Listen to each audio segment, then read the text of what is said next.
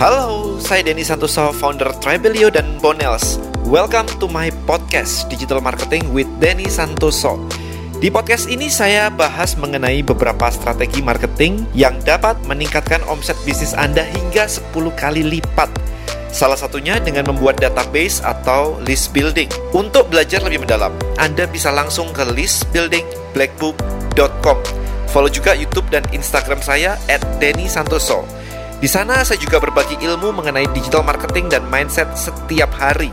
Right, ayo kita mulai. Enjoy the podcast and see you inside.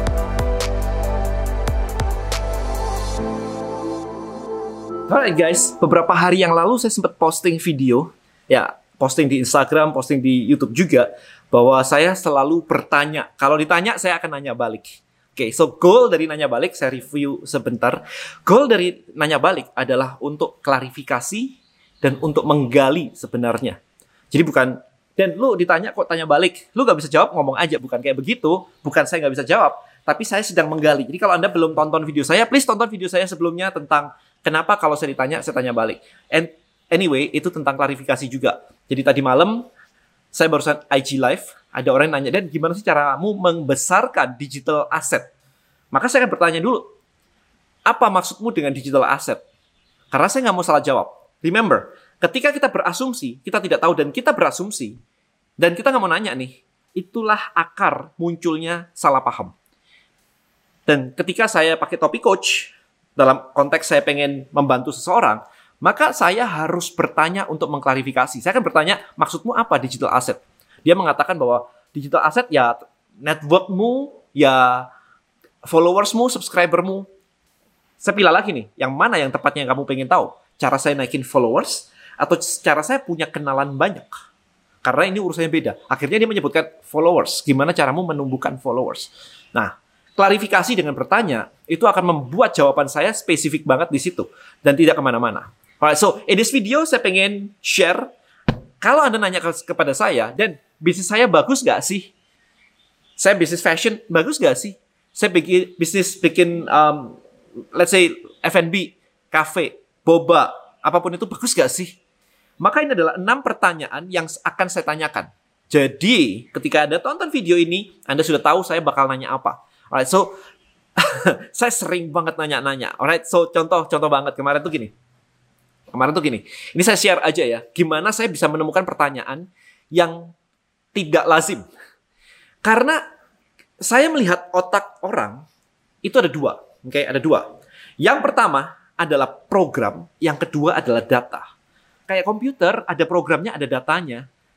Oke, okay? yang pertama itu adalah structure cara berpikir, yang kedua adalah apa yang menjadi pikiran dia. Nah, kita berdiskusi di sini. Kayak, Dan, aku mau jalan-jalan, aku mau ini, aku mau bisnis fashion, aku mau bisnis itu. Itu berbicara di sini. Berbicara di ranah konten. Saya mau bisnis fashion, fashion. Kemarin ada nanya fashion muslimah dan sebagainya. Dari konten. Dan saya mau jalan-jalan di Bali, naik ini, naik perahu, main air, main ombak, berenang, whatever. Itu adalah konten. Tapi yang didata adalah, oh orang ini suka kegiatan fisik. Orang ini suka kinestetik Berarti kalau dia suka jalan-jalan, suka lari-lari, suka bermain air, berarti dia kalau let's say milih mobil, dia cari yang naikannya enak dibandingkan dengan yang modelnya keren. So saya mempelajari ini teman-teman. Jadi kalau Anda bertanya saya, remember, saya beroperasi di level structure and program di kepala, bukan kontennya. Maka kemarin ada yang nanya misalkan gini, dan kamu jualan kopi diet, kok harganya segitu ya mahal banget ya? Daripada saya berdebat itu mahal atau murah, itu konten. Maka saya bertanya, kamu bandinginnya sama apa? Karena adanya harga mahal itu dibandingkan. Kalau nggak ada harga mah, kalau nggak ada pembanding nggak akan ada harga mahal. Like for example nih, sekarang saya tiba-tiba ngomong angka nih, misalnya harga USD yen 131. Nah, di kepala Anda muncul nggak mahal atau murah atau nggak tahu? Karena tidak ada pembanding di kepala Anda, most of you guys akan mikir 131 apaan ya? Nggak jelas ah. Nggak, nggak, nggak ada clear aja. Tapi kalau tiba-tiba saya bilang kayak US dollar, rupiah dibandingkan dengan US dollar, hari ini 14.500, maka Anda tahu, hmm, lumayan ya. Kalau naik jadi 16.000 lebih mahal nih. Karena ada pembanding 14.000 sebelumnya. Ya, jadi pembanding itu membuat harga jadi mahal atau enggak. Jadi mahal atau enggak sebenarnya apa? Persepsi terhadap pembandingan. Nah, saya beroperasi di situ. Right? Jadi hopefully Anda paham bahwa ini ini kenapa saya brief di sini di depan supaya Anda tahu bahwa kalau saya bertanya, saya bertanya selalu di ranah program. Maka kemarin ada yang nanya kan kayak kalau saya pengusaha, kalau saya pedagang kelapa, emang bisa jadi pengusaha kelapa? Saya nggak mau ngurusin kontennya. Saya mau tahu struktur berpikirnya dia. Kalau saya jawab iya, dia bakal apa? Kalau saya jawab nggak bisa, lu bakal apa? Saya pengen tahu how dia berpikirnya dulu.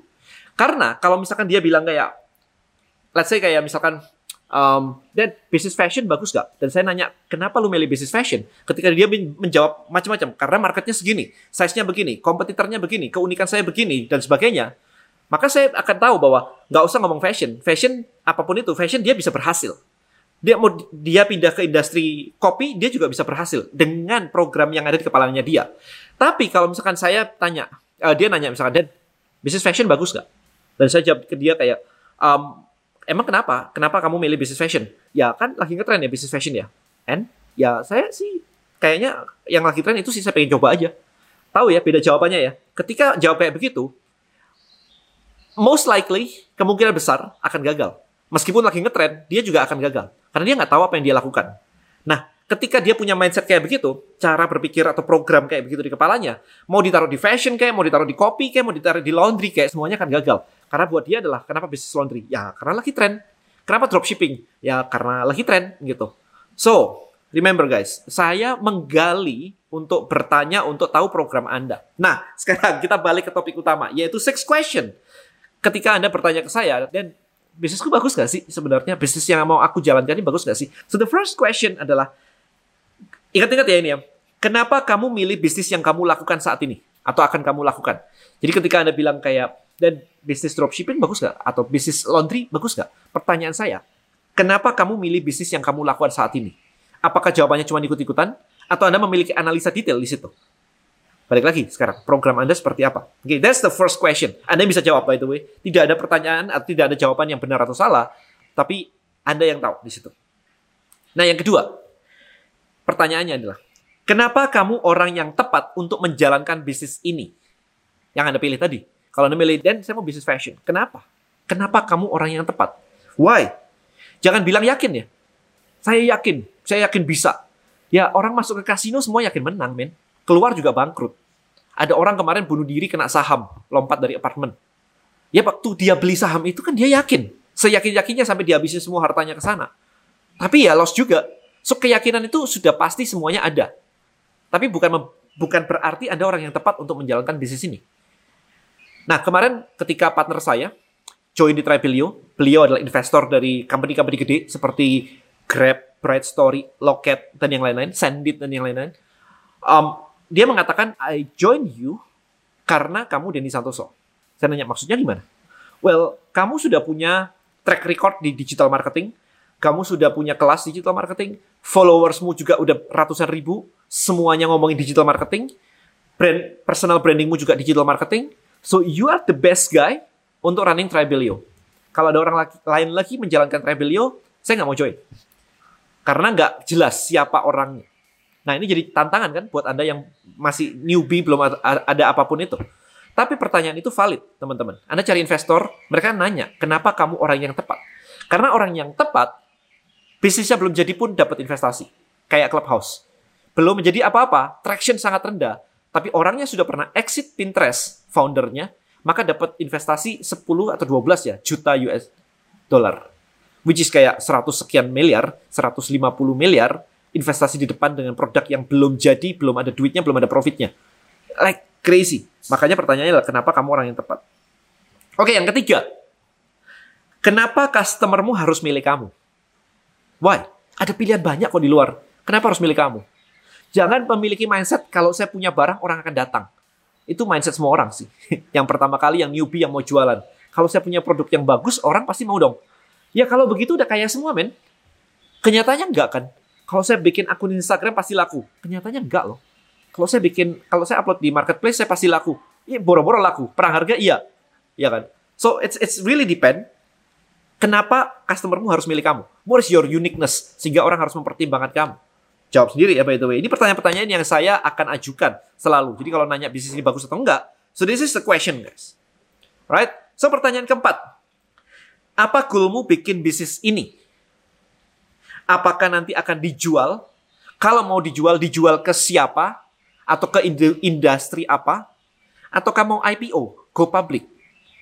Atau jadi lifestyle business? Jadi lifestyle business itu maksudnya gimana? Ya bisnisnya dijalanin aja. Kalau ada income, income-nya saya akan ambil buat menghidupi gaya hidup saya sehari-hari. Ya ini kebanyakan orang mikirnya di situ, lifestyle bisnis aja. Pokoknya dapat uang ya saya pakai untuk hidup, saya bisa beli mobil, saya bisa beli rumah, bisa jalan-jalan, bisa nyekolahin anak. There is lifestyle bisnis buat menghidupi lifestyle. Nah, sekarang pertanyaannya. Kalau mau dijual Anda maunya di angka berapa? Kalau misalkan di IPO, kira-kira Anda dapat gambaran berapa? 100 miliar, 1 triliun, 10 triliun? Atau jadi lifestyle bisnis? Kalau jadi lifestyle bisnis mau mau jadi berapa? Mau jadi mau di Anda mau dapat income berapa? 10 juta sebulan, 20 juta, 30 juta sebulan, berapa? Angkanya itu berapa? What is the goal? Kalau Anda nggak tahu, nggak usah bikin bisnis. Karena kita keluar rumah, naik mobil, Anda selalu ditanya, tujuannya mau ke mana? Ya, jadi it's it's harus spesifik gitu. Goalnya harus spesifik. Karena sayangnya, eh, takutnya adalah, kalau Anda punya goalnya kekecilan kan nggak optimal ya. Harusnya bisnisnya bisa jadi 10 miliar, Anda goalnya cuma 10 juta. Kan sayang banget. Atau sebaliknya, atau sebaliknya, saya pengen 10 miliar, tapi bisnisnya nggak bakal jadi 10 miliar. Nggak bisa aja. Gitu. Ya, jadi Anda harus tahu. Nah, pertanyaan kelima adalah, apa kendalamu menuju ke goalmu tadi? Apa yang membuat Anda belum bisa mencapai itu? Apakah kurang tim? Apakah kurang networknya? Apa kurang modalnya? Apa kurang resourcesnya? Atau apa pun? Skillnya maybe, skill Anda kurang? Apa yang menjadi kendala Anda menuju ke sana? Kok nggak nyampe-nyampe itu kenapa? Kalau Anda bilang, saya nggak, saya butuh modal, Dan. Oke, okay, butuh modal berapa dan untuk apa? Ya, harus clear. Kalau nggak clear, siapa mau kasih Anda modal? Saya butuh modal, Dan. Oke, okay, berapa? Satu miliar. Oke, okay, buat apa? Uh, ya, buat jalan bisnis. Iya, buat apa jalan bisnis? Semua juga tahu kalau buat jalan bisnis. Tapi jangan memindahkan risiko Anda menjadi risiko saya dong. Kalau kayak gitu. Kalau nanti tiba-tiba minta satu miliar gitu. Iya, tiba-tiba jadi risiko saya dong. Kalau fail gimana? Sementara duitnya nggak jelas mau dibuat apa. Ya, jadi Anda harus menjawab. Dan pertanyaan terakhir adalah ini agak agak challenging nih pertanyaan terakhir nih ya. Apa yang bisa bikin bisnismu ini mati? That's the question. That's the last question. Kira-kira apa faktor-faktor risiko yang mungkin ada di depan sana yang bisa bikin bisnismu mati? Kayak tadi malam, saya baru IG live tadi malam. Ada yang mengatakan dia sedang membuat sebuah bisnis minuman. Oke, okay, minuman. Dan lagi viral di tiga kota. Di sini di sini di sini. Saya nggak sebutin ya minumnya apa gitu ya. Anyway kurang lebih kayak gitu. Dia mengatakan seperti itu. Jadi viral di sini di sini di sini. Um, pertanyaan saya kayak begini sama. Apa yang bisa bikin bisnismu mati? Dan dia mengatakan bahwa ya kalau orang yang trennya sudah lewat ya ya habis gitu. Kalau tren pencinta ini pencinta itu udah lewat ya ya habis gitu kan. Dia nggak nggak menyangka ketika saya bertanya misalkan ini what if sekarang di luar sana ada perusahaan atau ada ada orang-orang entrepreneur-entrepreneur dengan bisnis yang similar yang gede-gede yang sekarang udah omsetnya udah kayak ratusan miliar, udah gede-gede. Oke. Okay. Kalau mereka melihat trenmu dan langsung meniru persis produkmu dan langsung bikin cabang seluruh Indonesia, sementara kamu cuma tiga cabang doang, dia langsung bikin 10 uh, enggak 10 kalau seluruh Indonesia bisa kayak 30 40 kota langsung masuk. Dia bisa memiliki dia memiliki kemampuan itu. Apa yang akan terjadi dengan bisnis Anda? Nah, maka dari sini kita jadi mikir nih, bukan tentang jualan lagi, tetapi bagaimana secepat mungkin kita mendominasi market supaya orang lain nggak masuk. Kalau orang lain masuk pun top of mind-nya udah punya Anda. So how? Ini adalah pertanyaan terakhir. Right guys, so I think itu aja biar nggak panjang-panjang. Enam pertanyaan ini apakah Anda bisa jawab? Karena ini krusial banget ketika Anda mulai pertama kali membuat bisnis. Sekali lagi, saya undang Anda untuk join di Tribe Hackers itu adalah komunitas saya. Kita berdi kita semua bisa berdiskusi di sana tentang pertanyaan ini, enam pertanyaan ini. Kita ngomong aja di sana, kita ngobrol di sana. Siapa tahu saya bisa kasih insight, siapa tahu saya bisa menambahkan pertanyaan lain yang mungkin belum ada di enam ini. Ini fondasi fundamental aja sih pertanyaannya sih. Tapi saya selalu bertanya yang cukup unik biasanya. Right? So, sebelum saya akhiri, ada satu cerita yang cukup menarik. Kemarin ada satu orang bertanya kayak gini, Dan, sebaiknya ikutan list building black book dulu, barusan list building mastery ya. Saya mengatakan kalau Anda mau belajar, list building black book is okay untuk tahu. Tapi ketika Anda mau dapetin hasil, mau praktek, Anda butuh list building mastery. untuk langsung praktek kita bimbing bersama-sama.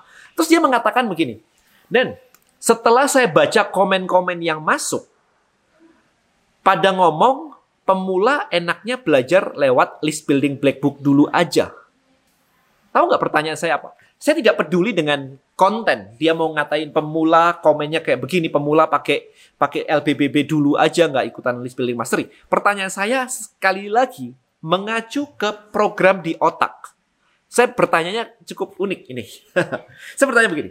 Oke, okay, jadi kamu lebih percaya newbie-newbie yang nulis komen di situ atau saya sebagai course creatornya yang bikin semua ini? Kamu percaya mana? Udah skakmat dia nggak bisa jawab ya. Karena jelas di luar sana newbie pada komentar berantakan kayak begitu ke sana kemari. Lah kan saya yang bikin program ya. Kalau ini begini, ini begini ya. Kenapa malah percaya yang sana? Begitu saya tanya kayak begitu, langsung kejawab, langsung join dia. you know, jadi pertanyaan-pertanyaan sometimes kayak begitu, itu men-challenge program di kepala, men-challenge program di otak. Karena ketika itu terjadi, kadang-kadang sebagian besar bisa mengubah mindset orang seketika. Boom, gitu. Right guys, so mempelajari pertanyaan dengan tajam itu juga skill khusus.